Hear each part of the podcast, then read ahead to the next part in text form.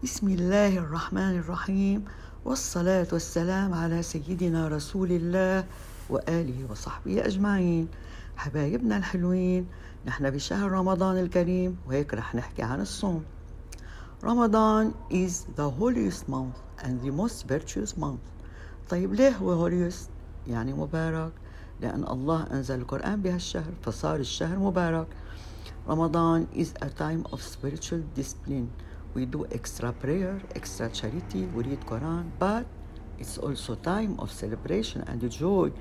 يعني رمضان شهر بغذي الروح.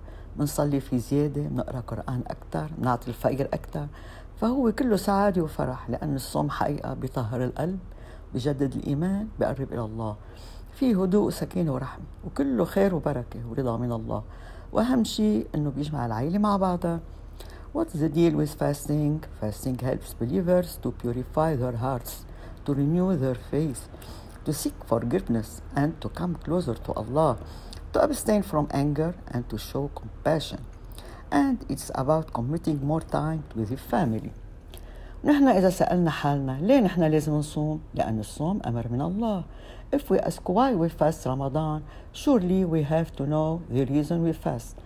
It's because ordered by Allah, and all benefits are an add bonus.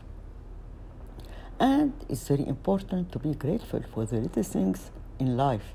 نحن بالصوم نشكر الله على كل شيء أعطانا إياه من نعم وعطايا.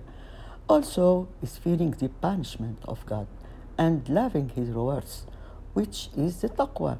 كمان بالصوم بصير عنا تقوى من الله. يعني بنحب ناخد هدايا على طاعتنا ونبعد قد ما بنقدر عن الأشياء اللي بتسبب غضب الله.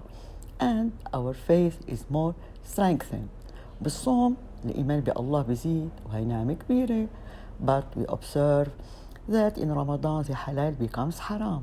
مثل الأشياء اليومية اللي إحنا متعودين عليها. هلأ ما فينا نعملها بتصير ممنوعة بأيام رمضان مثل الأكل أو الشرب أو العلاقة الزوجية. Why all that? It's in order to become a better person. Let's say in our daily routine we eat food or drink water or make spousal relationships.